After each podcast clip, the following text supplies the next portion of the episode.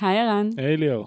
היי כולם, הגעתם לסטארט-אפ פור סטארט-אפ, הפודקאסט שבו אנחנו חולקים מהניסיון, מהידע והתובנות שלנו כאן ב-monday.com, וגם מחברות אחרות, והוא מיועד לכל מי שסטארט-אפ מדבר עליו, לא משנה באיזה כיסא הוא יושב ברגעים אלה.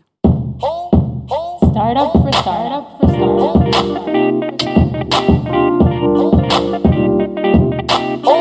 for אז היום אנחנו נדבר על אחד הנושאים שמעסיקים אותנו הכי הרבה תמיד, והוא אה, גיוס עובדים. ובפרט אנחנו נתמקד בשאלה איך בעצם אפשר לגייס בכמות ובמהירות, תוך כדי שמירה על איכות והתאמה. אה, אז איתנו היום דניאל. היי יוש. תגידי את השם המשפחה שלך. וייסבלט. שהיא אה, ריקרוטרית בחברה, אה, מהמם. בצוות אה, משאבי האנוש שלנו. כן. אז מה בעצם האתגר? כי זה נשמע מאוד מאוד מאוד היי-לבל, סיסמה, להגיד שאנחנו מנסים לשמור גם על איכות וגם על כמות. מהמם. בואי שנייה נבין מה זה באמת אומר. מעולה.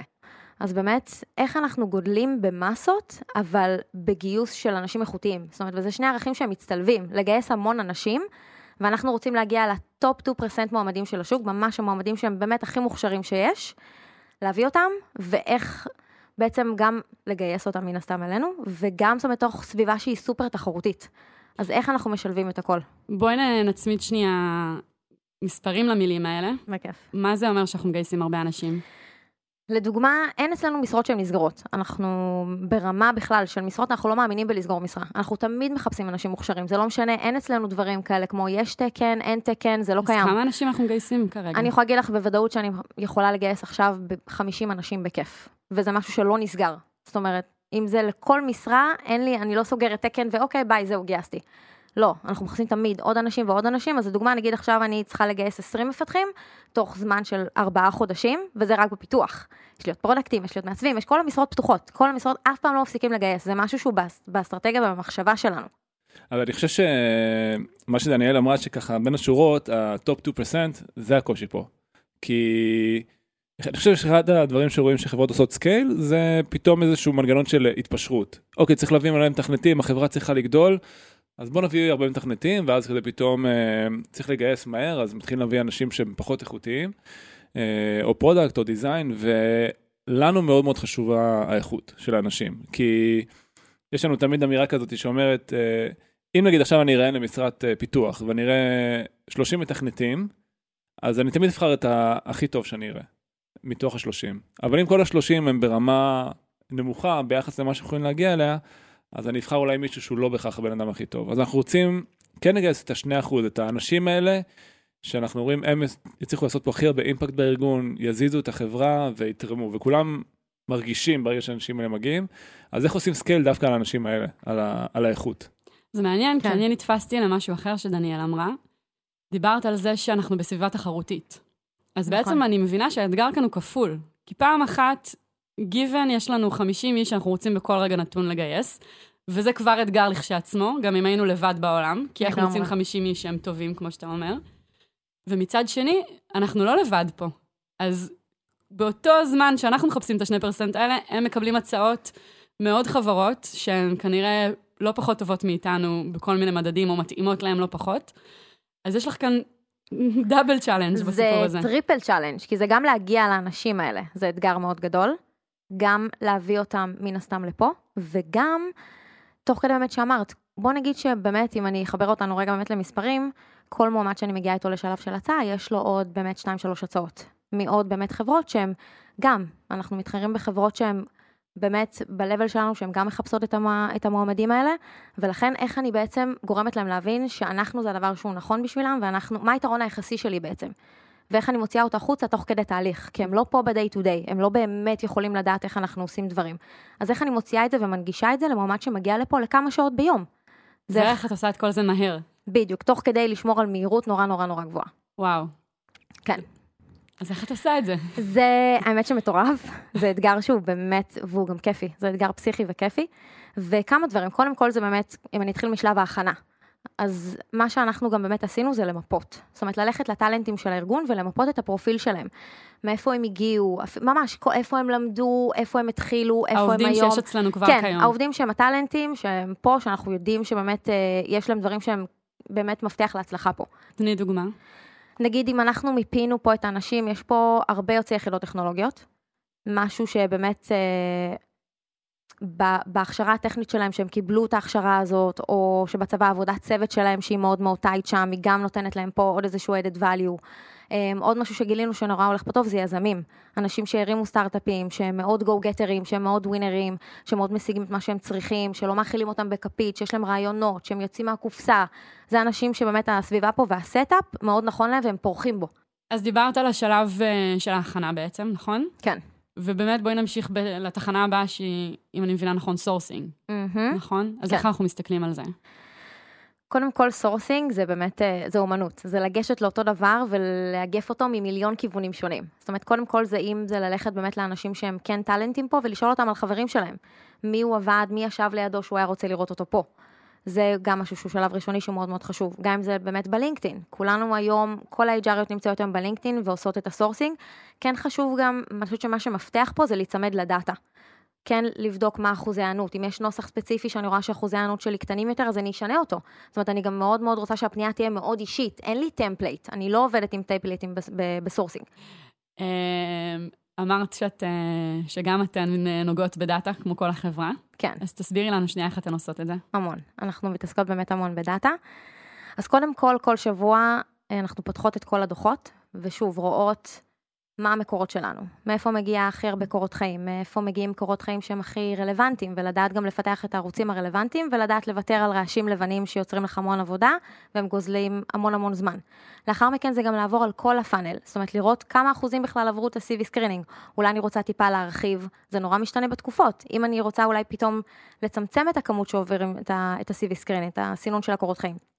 יש תקופות שאני אומרת, אוקיי, אז אני אעבוד יותר חזק על הסינון לאחר מכן, אבל אני רוצה טיפה להרחיב, אני רוצה לראות מה יקרה. אם אני טיפה ארחיב את המסננת שלי, ואני רוצה לראות מה יקרה בראיונות. זאת אומרת, זה מאוד מאוד משפיע, ואתה יכול לשחק עם זה, וזה נכון לשחק עם זה הרבה פעמים. כי אתה לפעמים מרגיש שאולי אני צריך לתת יותר הזדמנויות, אולי עכשיו אני צריך לתת פחות. לאחר מכן לבדוק מה אחוז האנשים שעוברים את הראיון הטלפוני. אצלנו באמת אה, אנחנו המגייסות עושות את הראיונות הטלפוניים. לבדוק מה אחוז מעבר, זאת אומרת יש גם תמיד קורלציות בין האחוזים שעוברים. אז לבדוק שהאחוזים האלה יש ביניהם התאמה, וזה לא פתאום יש פערים נורא נורא גדולים. drop ב funnel, זאת אומרת שאין לנו drop בדיוק. רציני בין שלב ושלב. כי מה. למשל את יכולה ללמוד מ drop ב funnel? אני יכולה ללמוד המון דברים. נגיד, אני יכולה ללמוד דוגמה. בשלב הבא, נגיד אם מישהו מגיע לראיון. אני רוצה לראות את האחוזים של האנשים שעוברים את הראיון הראשון פה. יכול להיות שפתאום אני אגלה נתון, שאני הרחבתי את המסננת שלי, אני דיברתי עם הרבה יותר אנשים, הגיעו לפה גם יותר אנשים, אבל פחות עברו. זאת אומרת, לא עשיתי משהו שהוא נכון. נכון, פשוט ייצרתי עוד, עוד עבודה ובזבזתי המון זמן. עכשיו, יכול להיות גם מקרה הפוך, יכול להיות שאני אראה קורלציה בין ההרחבה של המסננת ב-CV screening לבין המעבר של הראיונות הראשונים. יכול להיות פתאום מצב שהרחבתי, שזה משהו שקרה לנו, האמת די עכשיו, אנחנו ב, בגיוס מאוד מסיבי לפיתוח, אז טיפה אמרנו, אוקיי, בוא נשחק עם זה, בוא ננסה, נרחיב טיפה את המסננת שלנו, ניתן יותר הזדמנויות. מה שקרה, שפתאום באמת יותר אנשים עברו רעיון ראשון, וגם יותר אנשים עברו את הרעיון הטלפוני. זאת אומרת, עשיתי פה שינוי שהוא היה טוב. הבנתי שבתקופה עכשיו אני פותחת יותר את המסננת, אבל זה לא מייצר לי עבודה שהיא לא נכונה. זאת אומרת, האנשים האחוזים עוברים. ואז חשוב גם לראות שממשיכים לעבור, כי יכול להיות שברעיון שני הם פתאום נופלים, ואז פתאום שם יהיה דרופ. אז זה לא אומר שהבאת את האנשים הנכונים, כי בסופו של דבר הם לא עברו. שוב, באמת לראות את הקורלציה בין כל האחוזים. ואז יש לי רעיון שני. עכשיו, אני גם מאוד נכון להבין, המראיינים. זאת אומרת, יש גם נתון של מי מראיין. מעניין לדעת, אצל איזה מראיין עוברים הכי הרבה אנשים. אצל איזה מראיין עוברים הכי פחות אנשים.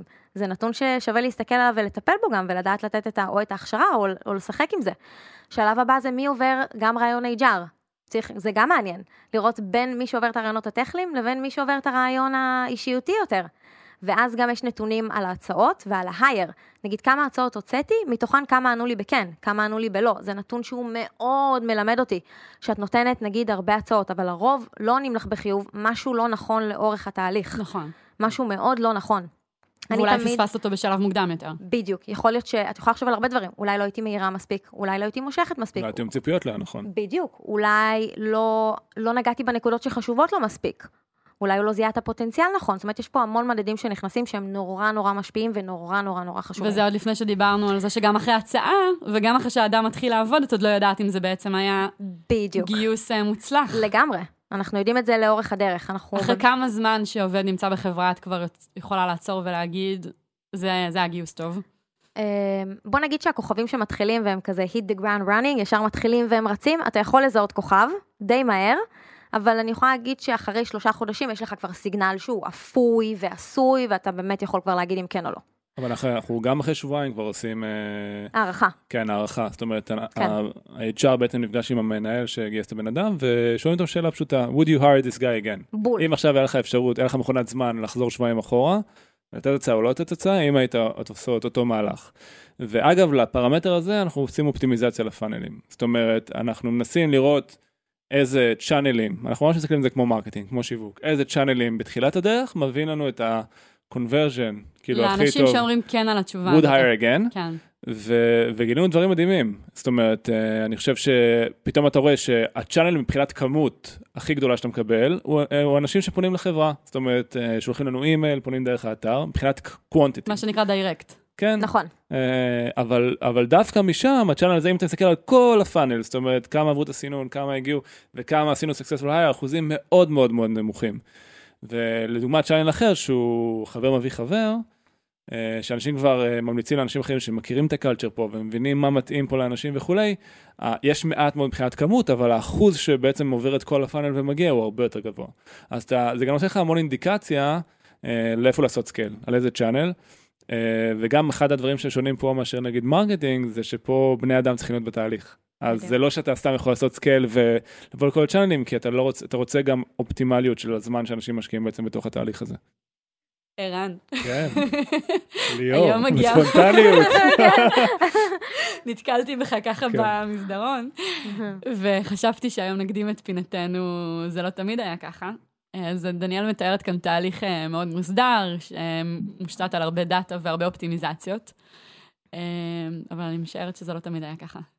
כן, אני, אני, גם כל התהליך, אבל אני חושב שספציפית השלב של הראיון הפרונטלי, זה משהו שנאבקנו איתו הרבה זמן. אה, ואני אישית, זה ממש הציק לי, כי ראיינתי להמון תפקידים, גם לפיתוח וגם ל product וגם ל design, ובאמת, המון המון תפקידים בחברה. והייתה תקופה מאוד מאוד ארוכה, שאני זוכר שהייתי נכנס לרעיון עם מישהו, וקיבלתי דווקא איזה קורות חיים, ואז uh, הייתה לי שעה בלוז, והבן אדם פשוט במשך שעה סיפר לי מה הוא עשה ב... בחיים. בחיים. שאלתי איפה להתחיל, בצבא או בעבודה הראשונה שלי, והיה מספר ומספר, והייתי יוצא מהרעיונות האלה מותש. כי אני זוכר שהייתי יוצא, וגם, א', במהלך הרעיון, לא נעים להגיד, אבל המחשבה שלי נדדה לאלף מקומות אחרים, כאילו, איבדתי את הבן אדם, אבל יותר גרוע מזה, הרגשתי שכאילו, שבאו לשאול אותי אחר כך איך הרעיון, אין לך מושג. לא יודע. כאילו, הייתי מסתמך על, אה, על אינטואיציות. נראה לי בסדר, נראה לי אחלה, הוא עשה שם דברים טובים. הייתי שואל אותו כל מיני שאלות, אבל זה... הרגשתי שכאילו אין סיגנל. אין סיגנל מהבן אדם. גם שאתה מאוד ריאקטיבי זה נשמע. כאילו בסוף הבן אדם מספר סיפור בצורה מסוימת, אז אתה עונה לו בצורה אחת, ומישהו יספר אותו אחרת. כאילו, אתה לא באת ו- מוכן. ואני לא חושב שאני מיוחד, אני חושב שהרבה אנשים מראיינים בצורה הזאת, של אה, אוקיי, בוא תספר לי על עצמך. הכי קל. אה, וזה כל כך לא נכון, כאילו, אתה מקבל כל כך מעט סיגנל, ואתה לא יודע להחליט, גם איך ו- עושים על זה בנצ'מארק. אבל אני אגיד לך את הכי גרוע, כאילו, ואז, נגיד קיבלנו את הבן אדם, ואז ביום הראשון שהוא מגיע לעבודה, אחרי שלוש שעות, אתה יודע עליו הכל. לא הכל, הגזמתי, אבל אתה מקבל כל כך הרבה אינדיקציות, אם זה מפתח, אז כמה הוא נכנס לסביבה, וכמה הוא מתקין, וכמה הוא מבין, ואיך הוא שואל שאלות. ואז אתה אומר, רגע, כבר בילינו אותו שלוש שעות ברעיונות, לא יכולנו לקבל את אותה עוצמה של סיגנל כאילו מה... מהרעיון, ולא כאילו מה... אחרי שהתחלנו לבן אדם וחתמנו איתו על חוזה וכולי. אז עשינו פה שינוי אה, מטורף ב... באיך שאנחנו מראיינים אנשים. אני חושב שהדבר הכי משמעותי הוא ש... קח דוגמא את הראיון שאנחנו עושים לאנשי product בחברה. אז אה, אנחנו באים ואנחנו מציגים את עצמנו, אני מציג נגיד את עצמי אם אני מראיין, ואז אנחנו שואלים את הבן אדם, בוא תספר לי בשני משפטים על עצמך. high level, אוקיי? הראיון הוא בכלל לא על הקטע של מה הבן אדם בעצם עשה בעבר. זה חלק מאוד מאוד קטן מהרעיון. אני אפילו אומר להם, תן לי שני משפטים על עצמך ואז נתחיל ברעיון, בשביל לייצר איזשהו אה, מקום כזה של, זה לא הרעיון. ואז בעצם אני חושב שמה שאולי דניאל תרצה לדבר עליו אה, בהמשך, אנחנו בהגדרת תפקיד או ב... איך קוראים לזה Job Analysis, שזה לא בדיוק מה שאנחנו מפרסמים באתר, למה הדרישות, אלא מה אנחנו מצפים, מה התכונות שאנחנו מצפים מהבן אדם, מה היכולות שאנחנו מצפים, אנחנו ממש ממפים אותם לשלוש ארבע bullet points, ואנחנו מגדירים סט של שאלות עבור כל אחד מהתכונות האלה בשביל לקבל signal. כאילו זה גם שאלות שאתה צריך לקבל signal על כל אחד מהתכונות האלה. תן אוקיי? דוגמה לשאלה. אז אה, לדוגמה, ניתן על product. אז ב product יש לנו שלושה דברים מאוד מאוד חשובים. יש לנו, דבר ראשון, נושא של execution, איך הבן אדם טוב בלהוציא רעיונות, אה, מה, משהו מהרעיון אל הפועל, אוקיי? זה מה שאנחנו קוראים לו execution. יש כאלה אנשים שמאוד טובים ברעיונות, יש אנשים שטובים בעשייה, אנחנו רוצים לראות כן. את, ה, את ה flow הזה. דבר שני, יש מה שנקרא לו product sense, כמה בן אדם יש לו אמפתיה, כמה הוא מבין יוזרים וכולי. אה, והדבר השלישי שאנחנו רוצים זה יכולת אנליטיות וטרי, ו, וניווט בין טרייד אופים. אז זה שלושה דברים מאוד מאוד חשובים שאנחנו ממיינים ב product. אז אמרנו, אוקיי, בואו עבור כל אחד מהיכולות האלה, אה, נגדיר ראיון שבודק ספציפית את הדברים האלה. אז לדוגמה, באחד השאלות שאנחנו שואלים על, ב product, אז אנחנו נותנים איזשהו מצב של trade off בתוך האפליקציה, ומראים לבן אדם שאין תשובה, אין שחור ולבן, הוא לא יכול להגיד לי 42. כן. אין צריך- נכון או לא נכון אין גם. נכון ולא נכון, אין לי גם לי תשובה, כן. אבל אני רוצה לראות איך הוא חושב. אנחנו יודעים ממש תרגיל שהוא צריך לבוא ולעמוד מול הלוח ולפתור אותו, ו... וקרו שני דברים מדהימים מאז שעשינו את השינוי הזה. אחד, נורא מעניין לי ברעיונות, כי זה אקטיבי, זה, זה, זה, אני שואל את השאלה עבור חוזר, ואתה פתאום רואה איך אנשים חושבים, ואתה מקבל עליו המון המון אינדיקציות. זה גם יהיה תהליך עבודה משותף פתאום. כן, אתה, את, כי אתה מדמיין, וככה זה יראה יום אחרי שהוא יגיע לפה. ודבר שני, אתה, האנשים יוצאים מה, מהרעיון הזה, המועמדים, בתחושה מדהימה. אומר לי, תשמע, היה לי כיף.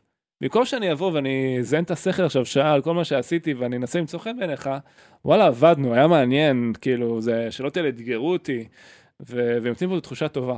אז, אז זה ווין ווין, כאילו מבחינתי, אני חושב שגם החוויה שלהם בתור מועמדים יותר טובה, ומתרשמים מהעומק של השאלות ומהאתגר, וגם אנחנו מקבלים המון המון אינדיקציה עליהם, ומקבלים גם value מטורף מזה שאנחנו יודעים עליהם המון המון דברים, שהיינו כנראה מגלים שהם מתחילים לעבוד פה, אבל בשלב הרעיון. אני חושבת שעוד דבר שכולם מרוויחים מהסיפור הזה, זה בעצם השבירה הזאת של המעמדות בחדר. כל כך הרבה מאמרים נכתבו וטיפים נותנים לאנשים שיוצאים לראיון ואומרים להם, תהיה אתה ותהיה כמו עצמך, ואז אתה נכנס לחדר לראיון עבודה. ואיך תהיה עצמך כשיושב מישהו מולך, הוא שואל שאלות, אתה נותן תשובות, וגזר הדין ניתן בסוף התהליך. ופתאום אתה מתאר עכשיו תהליך שהוא הרבה יותר דינמי, מטשטש שנייה את, ה, את החוויה הזאת של אני באיזה מבחן בחדר. אני חושבת שזה באמת יכול, אה, כאילו אי אפשר להתכונן לזה לטוב ולרע, מה שנקרא. כן, נכון. אבל, אבל אני אגיד לך יותר מזה, אני חושב שעוד אלמנט, עכשיו שאני חושב על זה שהוא מאוד חשוב בדבר הזה, זה זה שהרעיון הוא בעצם חוזר על עצמו. ואז יש לך בנצ'מארק מול אנשים. נכון. אתה ממש יכול לשים את האנשים על ספקטרום, במקום שכל רעיון יהיה, יהיה רנדומלי בעצם אה, מחדש. זה שאתה יכול בעצם לשאול את אותם שאלות ולקבל אינדיקציה, אתה יכול להשוות בין אנשים, ואני חושב שזה אחד הדברים הכי חשובים ש, שעושים ב-HR ובכל תהליך הרעיונות שלנו. ואז זה. מאפשר גם לכם, לכל מי שמעורב בתהליך בעצם, לקבל החלטות יותר מושכלות, ופחות, כמו שתיארת קודם, על בסיס האינטואיציה שלי. בדיוק. כן. על בסיס אה. תחושות בטן. כן. חושבת שבכלל מה שמאוד חשוב, לפי דעתי, שהבנתי פה, זה שבאמת התהליך גיוס ייצג את כל התרבות. לאורך כל הדרך. זאת אומרת, אם אצלנו באמת הקלצ'ר, זה בדיוק הערכים של המוצר, וזה בדיוק צריך להיות התהליך גיוס, עם- אותם ערכים. אבל זה ממש נגזר מה-values שלנו, זאת אומרת, אנחנו ממש. הגדרנו values לגיוס. בדיוק. אמרתי אה. שה-values של הארגון זה ה-values של התהליך, זה יוצא החוצה. זה גם היתרון היחסי שלי. מבחינת שאני מתחרה עם חברות אחרות, זה היתרון שלי, הקלצ'ר. זה מה כן. שאני רוצה להוציא החוצה. אני חושב שספציפית בגיוס הגדרנו, תשלימי אותי עם מה כן. שפספסתי, אבל אחד זה, זה ספיד לגמרי. כערך נכון, בתהליך, אה, והשני זה exceptional אה, נכון. אה, experience, כאילו איך אנחנו גורמים לכל השלבים בתהליך, גם לסינון, גם להגיד כן, גם להגיד לא, גם הרעיון עצמו, איך מייצרים חוויה שהיא נעימה. נכון. גם, שהיא אה, מכבדת, שהיא, כן. כן, אנחנו גם, גם את זה אנחנו מדדים אגב. נכון, גם את זה אנחנו מודדים, ובאמת אה, נורא חשוב שאנשים שמגיעים לפה, שקודם כל כל בן אדם אצלנו מקבל תשובה, והוא מקבל יחס. נורא חשוב לנו החוויה של האנשים שמגיעים לפה. אני, אנחנו באמת מאוד רוצות שכל בן אדם שיצא מפה, גם אם הוא לא עבר, שהוא ירצה לעבוד פה. זאת אומרת, זה מאוד הצלחה של תהליך שהוא נכון. וגם כשאנחנו אומרות אה, לא, יש לנו סיבה, אנחנו כן נותנות להם פידבק, אנחנו אף פעם לא מתקשרות ואומרות, טוב, אז אה, כנראה שנמשיך עם מועמדים אחרים. לא. אני רוצה לתת לו את הפידבק, אני רוצה שהוא ילמד הלאה. זאת אומרת, זה חלק גם מאוד מהתרבות שלנו, לדעת לקבל פידבקים, לדעת לחתור לפידבקים, לחתור למגע, לחתור לפידבקים. אם זה נגיד, אני אקח דוגמה ברעיונות HR, תמיד אני מתחילה רעיון HR בפידבק. בוא תספר לי על התהליך, מה היה פחות טוב בתהליך. אני ישר יוצרת סיטואציה שהיא בגובה העיניים, כי כמו שאני בוחנת, גם אתה בוחן. אם הגעת לשלב הזה, אתה... בוא נגיד שאתה הגעת לשלב הזה בחברות גם אחרות. זאת אומרת, מגיעים לשלב הזה אנשים שהם באמת ה top. אז אני רוצה לדעת ממך, א' כל הדאטה שלי, מה אני יכולה לשפר בתהליך, כי אני תמיד חותרת לזה, ודרך אגב, תהליכים תמיד צריך לרענן. אין סוס שהוא מנצח לאורך זמן, כי מה שנכון היום לארגון, יכול להיות שלא יהיה נכון עוד חודש, עוד חצי שנה. תמיד צריך לרענן את הדברים, ומעבר לזה ליצור שיח שהוא שוב בגובה העיניים, והוא הדדי. אני רוצה לשמוע ממך מה היה פחות טוב, מה פחות הלך לך, ומשם אני אתחיל קודם כל את התהליך. זה מייצר שיחה שהיא מאוד מאוד הדדית והיא נכונה ל setup של הראיון, ובכלל ל setup של כל התרבות שלנו, שהכל פה מאוד בגובה העיניים ושטוח. יש עוד ערכים? אמרנו speed, אמרנו את ה... כן, מהירות. שדרך אגב, גם את זה אנחנו מודדים בדאטה. יש לנו board שנקרא במערכת HR Data. כל hire, כל בן אדם, אנחנו רושמים את ה-time to hire, apply to hire, זאת אומרת כמה זמן, time to hire זה אומר בעצם, נגיד אם גייסתי מפתח, כמה זמן מהמפתח האחרון שגייסתי, תוך כמה זמן מצאתי מישהו. זאת אומרת, יש לי גם צפי. אני עכשיו יודעת שאם אני מחפשת מפתחים, אני יודעת להגיד לך על סמך דאטה, כמה זמן ייקח לי, כמה זמן ייקח לי לגייס את המפתח הבא. אני יודעת להגיד, אוקיי, אני תוך חודש יכולה לגייס ש- שני מפתחים, או זרקתי מספר שהוא דווקא רחוק מאיתנו, תוך שבוע, כן? אבל ברמות האלה. או שאני יודעת גם להגיד כמה אנשים אני אצטרך לראות כדי לעשות הייר הבא. עכשיו, המטרה היא... מאיזה ערוצים גם. במאיזה ערוצים. שהמטרה היא לצמצם מן הסתם את המספר האנשים שאנחנו רואים בכל הייר להייר. אבל זה גם בורד שמאוד משמש אותנו. כן, ומצד שני, שוב, אי אפשר לצמצם יותר מדי. אני זוכרת אה, תקופה שישבתי קרוב אלייך, והייתה איזושהי משרה שבמשך שלושה חודשים, לדעתי, לא הצלחתם לאייש אליה. איך נכון. מתמודדים עם זה? איך, איך בסוף אה, מפצחים דבר כזה? של משרה שקשה לאייש אותה. כן. אז כל פעם שיש, א' כל תמיד אנחנו רוצים לשים לב שאין פה איזשהו אלמנט שנכנס של התפשרות. זאת אומרת שאם לא מצאנו את הבן אדם הנכון, אנחנו כן רוצים למצוא את הבן אדם הנכון. זאת אומרת, גם אם היעד שלנו לגייס 20 מפתחים, אנחנו נעדיף לגייס 15, אבל באיכות שאנחנו רוצים שהם יהיו. אז זה קודם כל מה שמנחה אותנו תמיד.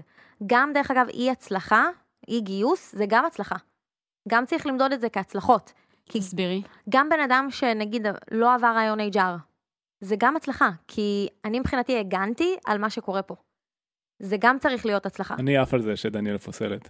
כן, באמת, זה, זה מייצר לי כזה ביטחון, שיש לנו את המסננת הזאתי, שזה... אנחנו השער, אנחנו כן. הגייט, כאילו ככה אני רואה את זה.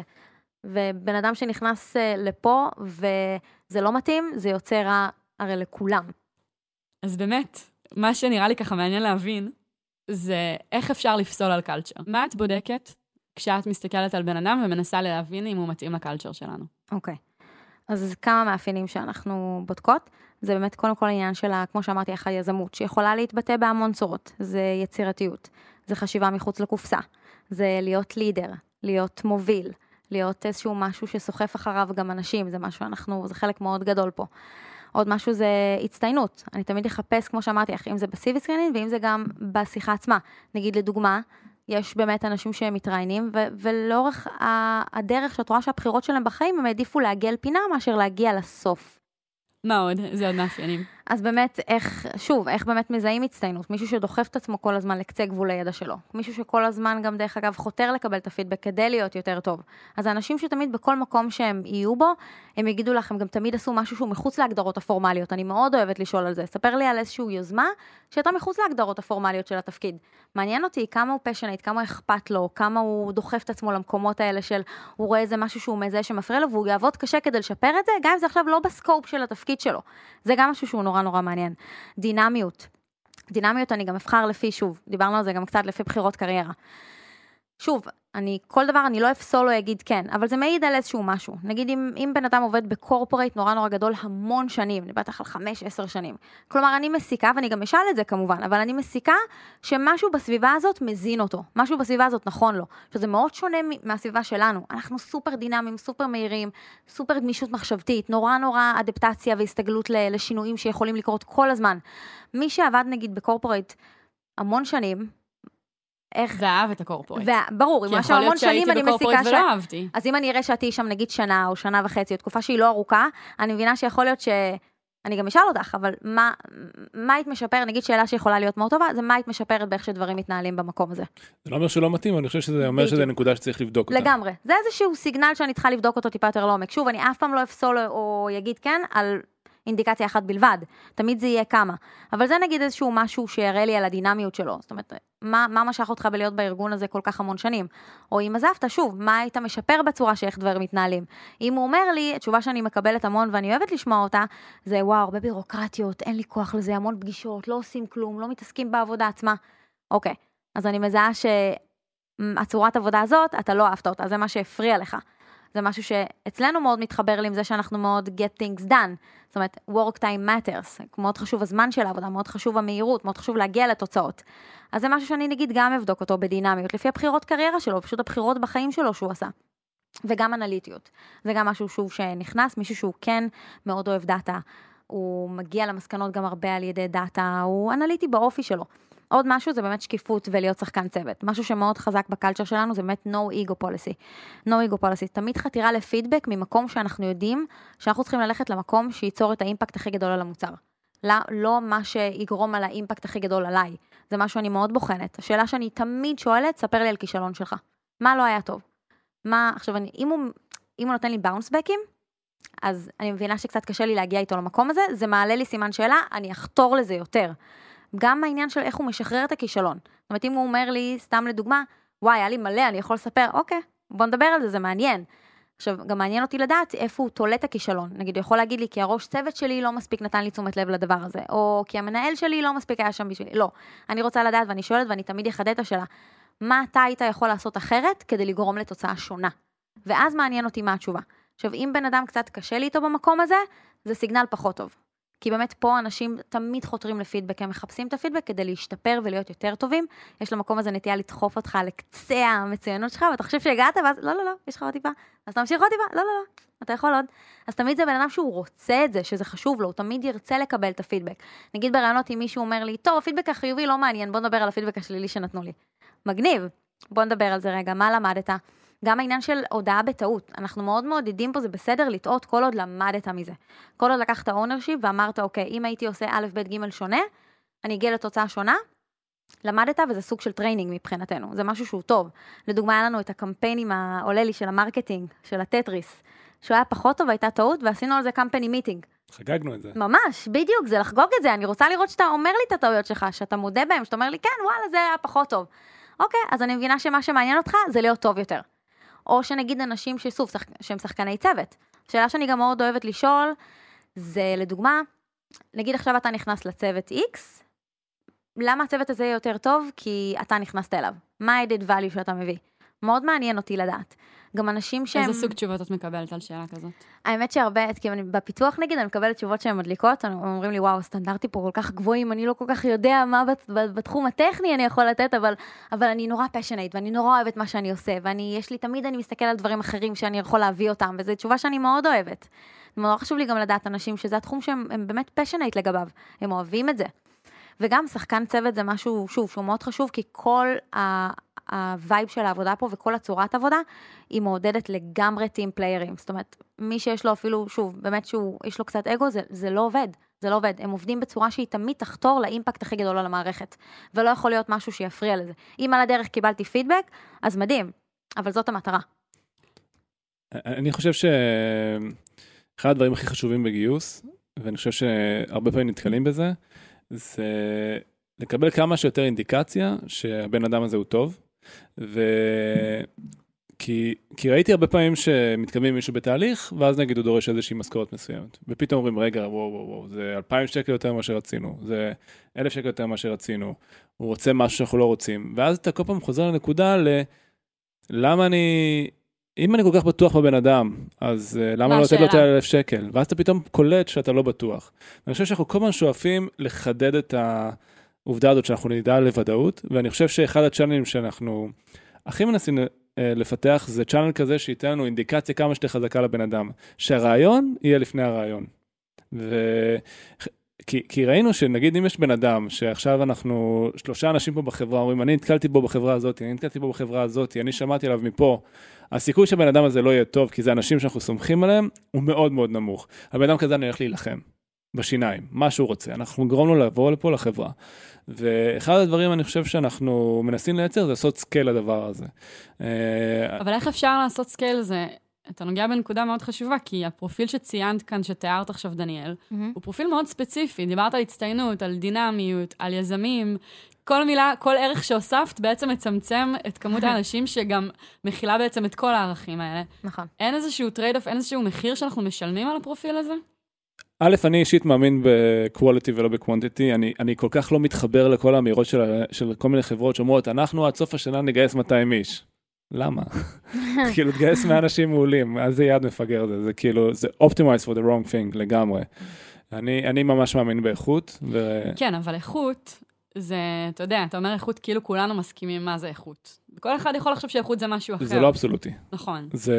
ומרכיבי התרבות שלנו, כמו שכרגע תיארנו אותם, הם מאוד ספציפיים. נכון. ואני שואלת אותך באמת, אם, אם לאורך השנים לא זיהית באיזשהם מקומות שיש... שיש מחיר לזה, שיש אנשים שהיית רוצה להיות מסוגל לקלוט, אבל בגלל שזאת התרבות... ברור, כן, ברור שיש מחיר. תראי, בסוף אין דבר כזה טוב או לא טוב. יש טוב לך, לחברה שלכם או, או לחברה שלנו, יש טוב לחברה. אז אחד הדברים שרואים כאילו מאנשים שממליצים מהחברה, אז הם ספגו את ה culture, הם יודעים מה עובד ומה לא, יתאים ומי לא יתאים, אז הם יודעים להצביע על אנשים מהעבר שלהם, שהם יגידו, אוקיי, הבן אדם הזה הוא מתאים. אבל אנחנו, מעבר לזה, אנחנו ממש מנסים לבנות database כזה, של, אה, אנחנו שואלים, אני שואל חברים, ואנשים שעבדו במקום עבודה שלהם, כל עובד חדש שמגיע לפה, נגיד עכשיו הוא עבד בחברה X, בשבוע הראשון שהוא ייקלט פה לחברה, אנחנו נשאל אותו, תגיד, מי הכי תותחים ב-X? מי אתה יכול להמליץ? מי כדאי לנו לגשת אליו? Mm-hmm. ואנחנו מנסים למפות, לבנות כזה database, שברגע שיש לבן אדם שלוש הצבעות שונות, ממקורות שונים, נגיד מעובד שעבד איתו, ממישהו ששמע עליו וכולי, אנחנו אומרים, אוקיי, הבן אדם הזה, יש שם משהו. יש שם משהו, בוא נילחם עליו. אני עכשיו מוכן שחצי יום מגייסת, תנסה להביא אותו לפה, כי אני יודע שה-ROI לדבר הזה יהיה מאוד מאוד גבוה, בניגוד לסתם מישהו רנדומלי שבעצם uh, מגיע לאתר. אז אני חושב שאנחנו, ואז שמגיע בן אדם כזה, uh, והיו פה כמה אנשים כאלה, שאני ידעתי לפני שהם הגיעו פה למשרד, שהם הולכים לעבוד פה. כי uh, הגיע אליי כל כך הרבה סיגנלים מאנשים טובים, זה הופך את כל התהליך לשונה לגמרי. אתה נלחם עבור הבן אדם, אתה רוצה שיבוא לעבוד פה, ואני באידיאל הייתי רוצה שכמה שיותר מהאנשים שמגיעים לפה לראיונות יהיו כאלה. שאנחנו יודעים שאנחנו רוצים שהם יהיו פה. אז אנחנו בונים את הדבר הזה, כדי שיהיה לנו database כמה שיותר רחב לתוך הדבר הזה, ונדע להצביע על אנשים שאנחנו רוצים שיצטרפו פה לחברה. כי הטובים לא, לא יחפשו עבודה, בדרך כלל. לא. דניאל, את מדמיינת אה, עולם בעתיד הקרוב שבו אין יותר קורות חיים? כי התהליך שכרגע ערן תיאר בעצם מייתר את הקורות חיים. הלוואי. מבחינתי הלוואי, לקבל, מבחינתי זה מנקה לי המון רעש לבן, להביא לפה בן אדם שכבר יש לי עליו signal ים מאוד חזקים ואני יכולה ישר כבר להבין עליו הרבה לפני שהוא מגיע, זה מעולה. אני חושבת שזה הדבר הכי טוב שיש. אבל איך זה מסתדר עם diversity? שזאת מילה ששומעים הרבה לאחרונה בכל מקום. על פניו, הדרך שבה אנחנו כרגע מתארים שאנחנו פועלים, מייצרת איזושהי קבוצת איכות מאוד מאוד סגורה, שמי שלא בקליקה, מה שנקרא, לעולם לא יגיע לכאן. אני חושב שתמיד יהיה את ה channel הזה של אה, קורות. חיים, והוא חשוב. ובסוף כשאתה מנסה לעשות scale, אתה צריך לעבוד עם כמה channel ים, כמו. שאתה עושה את זה בשיווק. זה פשוט סוגים שונים של funnel ים, חייבים להבין את זה. כאילו, אי אפשר להסתכל על כל ה funnel ים האלה כמקשה אחת. צריך כל funnel להסתכל עליו בצורה אחרת, עם פילטרים שונים, עם הבנה של מה אמור ליפול בכל אחד מהשלבים של ה funnel. ואני חושב, תראי, כמה מה, מהאנשים הכי טובים פה בחברה הגיעו בלי ניסיון, ישר מאוניברסיטה או ישר מהצבא, והם superstar ים היום, superstar ים. ואז אני רוצה עוד כאלה. זה, זה לא שאנחנו מחפשים רק את האנשים שיודעים כבר שהם טובים, חייבים לייצר כאילו diversity בתוך הדבר הזה. אני חושב שהחוכמה היא להסתכל על כל channel בנפרד, ולהתנהג איתו אחרת, ולדעת איך לעבוד איתו. כן, וגם אולי באמת יש פה עניין של קורות חיים יכולים להישאר קורות חיים, הדרך שאתה עובדים עם קורות חיים משתנה. אני חושבת שזה אולי איזשהו משהו שעולה כאן. בדיוק, הדרך שאתה מסתכל על הקורות חיים, והדרך שבאמת הם מגיעים, וגם זה לא שאני עכשיו, יש לנו איזו רשימה שאנחנו צריכים לסמן ב-V, יש גם פוטנציאל של אנשים, ויש אנשים שב-setup שלהם, עם, עם ה-setup הזה הם יוכלו לרוץ קדימה. אני לא חייבת שהוא כבר יעבוד בצורה הזאת, או שלא, אני פשוט מזהה את המרכיבים שיהיו נכונים גם לא בשביל לפרוח פה ולהגיע לשמיים. איפה זה לא עובד? איפה זה לא עובד? אני יכולה להגיד לך, אה, נגיד, גיוס של ג'וניורים זה משהו שניסינו לעשות אותו, והוא פחות הלך נכון, פחות היינו בשלב. אני חושבת שהטעות הייתה, היא להבין, נורא רצינו, אבל לא היינו מוכנים לזה. רגע, מה זה מקום. ג'וניורים? תסבירי רגע על מה את מדברת. ללא ניסיון בכלל ב... באיזה תחום? אני, על הפיתוח. לא לניסיון בכלל. בכלל, בכלל. יוצאי אוניברסיטה, ישר, יום אחרי... ה- ישר, אוקיי. פה. כמו שהיה לנו הצלחות טובות והצלחות לא טובות עם הדבר הזה. נכון, נכון. אני חושבת ש... עוד לא היינו, אבל לדעתי עוד לא היינו ב... בנקודת זמן שיכולנו באמת לא לקלוט אותם. התאמנו את הרעיון. בדיוק. לא התאמנו את התהליך ולא היינו באיזושהי נקודת זמן שאני חושבת שהיא הייתה נכונה לקליטה הנכונה הזאת שלהם ושלנו. אז תסבירו. אוקיי. אתם פה מסתכלים אחד על השני וסגרתם את העניין, לא היינו שם, אבל חוץ מכם אף אני אחד חושב לא יודע. שכמו שאמרנו, אני חושב שאי אפשר לבחון ג'וניור כמו שבוחנים מישהו שמגיע עם ניסיון, ואנחנו פשוט לא התאמנו את התהליך. ואנחנו ראיינו אותם בצורה דומה, ולא שמנו דגש על, לדוגמה, אחד מהדברים שאתה מצפה מג'וניור, ממישהו שחסר ניסיון, זה יכולת קליטה מהירה, יכולת לימוד מהירה. אה, שאולי זה לא בהכרח הדבר הראשון שהיית בודק עם מישהו שיש לו עשר שנות ניסיון. אז לא התאמנו את התהליך סינון אה, לפרופיל, אה, לפרופילים השונים בעצם שגייסנו, הסתכלנו עליהם כמקשה אחת. אני חושב שזו הייתה אחת הטעויות שעשינו. אני יכול להגיד מהניסיון שלי שיש תפקידים כאלה, אנחנו כל הזמן מזהים את זה בחברה, אנחנו, גם פה אנחנו כל הזמן משתפרים ולומדים, שאתה, ואולי יש אנשים שיצליחו להזדהות עם זה, מעין סחבת רעיונות. אה, אולי הוא גם יראה את דניאל, אולי כדאי שיפגוש מהמם. גם את רן, נראה לי כדאי שרועי יראה אותו. מגלגלים אותו מאדם לאדם. ואז אתה, כל פעם אני תופס את הדבר הזה ואומר, רגע, רגע, רגע, למה אנחנו מתעללים בבן אדם הזה? אנחנו לא סגורים על עצמנו. אנחנו לא יודעים למה אנחנו מראיינים אותו, אנחנו משגעים לו את השכל, ואנחנו בסוף נחליט לא. 99% מהמקרים. נכון. זה, מקרים כאלה, צריך לעצור, לחזור אחורה ולהגיד, רגע, מה אנחנו מחפשים? מה הנקודות שאנחנו רוצים לבחון? אין מצב כזה שאתה לא מגיע לסיגנל בעיניי אחרי שלושה אנשים. אין מצב, משהו בתהליך רעיונות לא טוב. שלושה מראיינים. שלושה מראיינים, כן. משהו בתהליך רעיונות לא טוב. יכול להיות שאתה אומר, אוקיי, נעשה רעיון רביעי, כי אתה בודדת אה, משתנה מאוד מת- ספציפי, כן, כן. משהו מאוד כן. ספציפי שאתה יכול לשים עליו את האצבע. אבל כל פעם שאני מרגיש שבחברה, שאנחנו פותחים נגיד משרה חדשה, עושים משהו חדש, אה, ואנחנו מגלים מישהו מיד ליד, לא טוב. כן. אנחנו לא בכיוון. פוגעים ברפיוטיישן שלנו ופוגעים בבן אדם.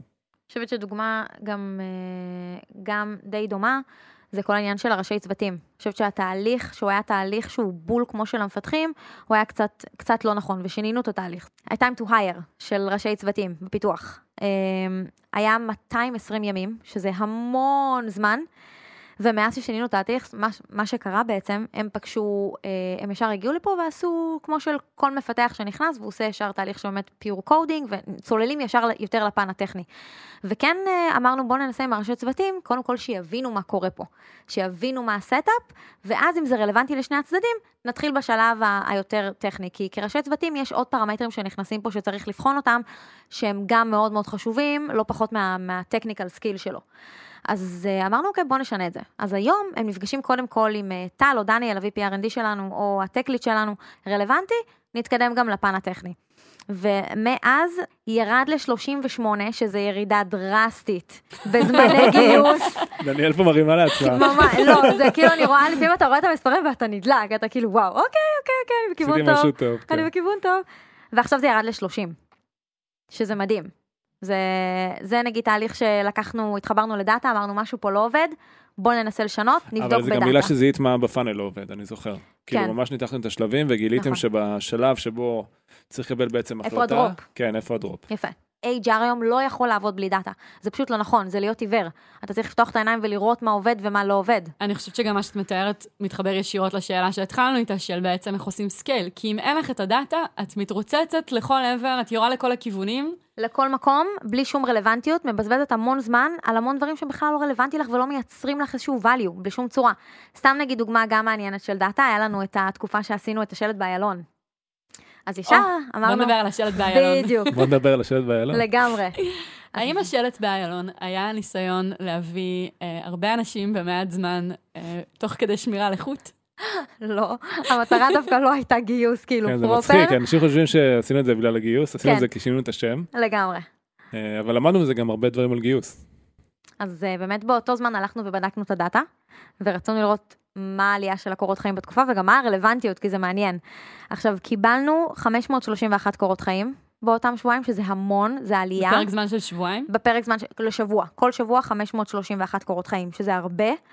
אמ, 80 רלוונטיים בלבד. זאת אומרת, דווקא הכמות, הרלוונ... הכמות הרלוונטיות של הקורות חיים לא עלתה. מה שאומר שהשלד דווקא משך אנשים שהם לא מתאימים לקלצ'ר שלנו. כאילו, אנשים שעברו באיילון, איי, אני רוצה להיות בשלד באיילון, מגניב. איך, איך השלט באיילון מתחבר לקלצ'ר שלנו? ל-no bullshit, לשקיפות, להצטיינות, לדינמיות. ליזמות. אני חושב שזה מאוד מתקשר, כי תראי, אולי איך אנשים פירשו אותו, אבל מבחינתנו השלט, אנחנו עשינו משהו מאוד משמעותי בחברה, לשנות את השם. זה משהו ש... ערן, הרמתי לך להנחתה, זה היה בשביל כן. שתענה כמו שאתה עונה. הכנסת אותי עכשיו למוד של רצינות. אתה מבין? אוקיי, אז השד באלון, דבר ראשון רצינו לחגוג את השינוי שם ולהודיע לכולם, כי אני חושב שזה משהו שסחבנו הרבה זמן על הגב, אנשים לא מבינים את זה, נורא הציק לנו השם, ורצינו לשנות את השם, וכשעשינו את זה, אז פשוט רצינו להודיע לכולם שעשינו את זה. וכמו בדרך שלנו, במקום אה, לבוא עם כל מיני הצעות בומבסטיות וכולי, פשוט אמרנו, הנה, זה אנחנו. כאילו, זה האנשים בחברה, זה אנחנו, אנחנו בני אדם, אפשר להזדהות איתנו. לא הבנתי. אוקיי. שלט באיילון זה לא בומבסטי? זה, אוקיי, היה לזה גם statement שאנחנו כאן. בסדר, אני חושב ש, שכן. היה לזה statement, אנחנו כאן, ואנחנו כן חברה רצינית, ואנחנו מכוונים מאוד גבוה. אולי איזשהו חלק של בגרות, בסדר? ואולי בתהליך ההתבגרות אה, עושים גם דברים כאלה. אה, אבל זה היה מאוד, מאוד inclusive, כאילו, לכל החברה, ומאוד... אה, אני חושב שזה גם מייצר אמפתיה, כי הנה, זה בני אדם, המאנדיי האלה זה כאילו חבורה של אנשים, כמוני כמוך, שעובדים על הדבר הזה, ואני חושב שזה פה מאוד, אה, מאוד העצים אנשים. כאילו, פתאום אה, לקלוט כמה זה גדול וכמה זה משמעותי, זה, זה עשה מאוד, אה, מאוד טוב.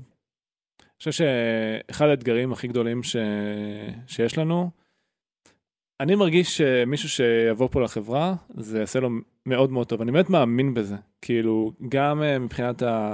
הפוטנציאל הכלכלי שיכול לצאת לו מהחברה, גם מבחינת ההתפתחות האישית שלו, אה, ואנחנו כל הזמן אה, חושבים על איך לשדר את זה. כי אני חושב שלפעמים יש מועמדים שאומרים, אה, אה, במד"א אני ארוויח אה, X, בחברה אחרת אני ארוויח אה, X פלוס 2,000 שקל, אז אני אלך לחברה אחרת. ואני כאילו תופס את הראש, אני אומר, איך? כאילו, אנשים לא מבינים, כאילו, א', אני חושבת ברמה האישית, יש הבדל מאוד משמעותי בין סטארט-אפ לבין חברה שהיא כבר גדולה. Uh, בסטארט-אפ כל אחד עושה הרבה דברים, ומעורב הרבה דברים, בחברה גדולה זה לא. ו, ומעבר לכל, אני אומר, יש פה הזדמנות להצטרף למשהו שהוא, שהוא כל הזמן משתנה, שהוא כל הזמן דינמי, כל הזמן צריך להתמודד עם אתגרים חדשים, לעומת משהו שהוא סטטי. אז אני חושב שמועמדים, uh, ושוב, אני לא אומר מה נכון ולא נכון, אני אומר, אנשים לא מסתכלים על הפרמטרים האלה. ואני חושב שיותר מהכל, אני חושב שאנשים שמים יותר מדי דגש על שכר, ופחות מדי דגש על אופציות. כי אני חושב שהאופציות יש להן פוטנציאל עצום, בטח בחברות שצומחות, אה, כמונו, כמו סטארט-אפים אחרים, ואני חושב שאי אפשר להסתכל על זה כמו אפלס טו אפלס. כאילו, יש לזה המון המון משמעות. אני חושבת שזה דור, אנחנו דור שפחות יודע לתכנן. אה, לא רק בהיבטים של קריירה, גם, אתה יודע, מסתכלים על רכישת דירות, על אה, אה, עכשיו חיסכון לפנסיה. יש איזושהי מגמה כללית כזאת, שאנשים מסתכלים על מה יוצא להם עכשיו, כאן ועכשיו, ואיך הם ממקסמים את הערך המיידי. ואיזושהי הבטחה לשלוש-ארבע שנים הבאות, אם תסתכל על אה, נתוני, אה, אה, על, על הממוצע שאנשים נשארים כיום בחברה, הרבה מהם לא מגיעים לארבע וחמש שנים. אבל דווקא נראה לי מה שיוצא לטובתנו בתיאור של, במה שתיארת כרגע, זה שזה איזשהו תיאום ציפיות שקורה. מה שאהבתי במה שתיארת קודם, דניאל, זה ש... זה סוג של... ש... שהתהליך שאתן עושות הוא, הוא כבר נותן לאנשים חוויה מאוד אותנטית של הטוב ולרע, זה מי שאנחנו. בדיוק. ובאמת, כשאת, עוד פעם, כשתיארת את כל הדברים האלה, דינמיות זה לא לכל אחד. אני יכולה לדמיין אנשים סביבי שרוצים לקום בבוקר, ולא בא להם להזיז אה, את העולם בקצב שאתה רוצה להזיז את העולם. אולי בא להם פעם בשנה להתנדב, וזה ההזזה שלהם, של המשוואה, וזה טוב, כאילו, יש מקום uh, לכולנו. אני באמת פשוט חושבת שהתהליך תיאום ציפיות הזה חוסך לכולם אחר כך הרבה אכזבות. לגמרי. גם כשהתהליך באמת תואם את הערכים, ולאורך כל הדרך המועמד רואה את הערכים האלה ומבין מה זה, מה זה, איך, גם התהליך מראה לו איך זה לעבוד ב-Monday, הוא מבין את זה לבד, וזה גם עוד חלק בסינון, שאתה רואה איך הוא מגיב לזה.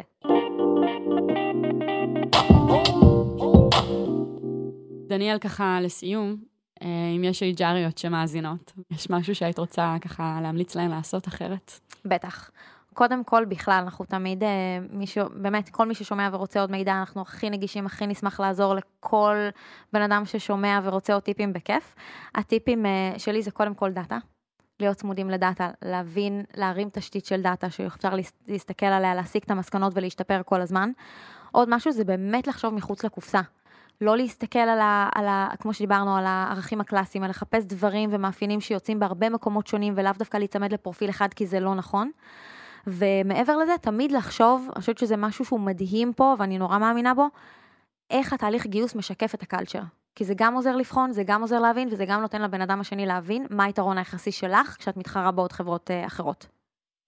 אמ, חזרה למה שאמרתי, א', לוודא, כל רעיון שאתה יוצא ממנו, תשאל את עצמך בסוף הרעיון, האם קיבלתי סיגנל או לא קיבלנו סיגנל. אם לא קיבלתי סיגנל, משהו לא טוב ברעיון. אני שואל את עצמי על כל רעיון כזה, ואנחנו כל הזמן עושים תהליך של שיפור על כל אחד מה, מהתפקידים, ואני מאוד מתחבר למה שדניאל אמרה. כאילו, במקום לנסות לפתות הרבה אנשים פנימה, תנסה להבין מה חשוב לך, תשקף את זה לאורך כל התהליך, כי עדיף לסנן את זה עכשיו, מאשר להביא את האנשים הלא נכונים. תודה, דניאל, היה ממש כיף. נהניתי מאוד. תודה. תודה, ערן. תודה ליאור. תודה לכם שהאזנתם. תודה לך. Startup for startup for startup. Oh.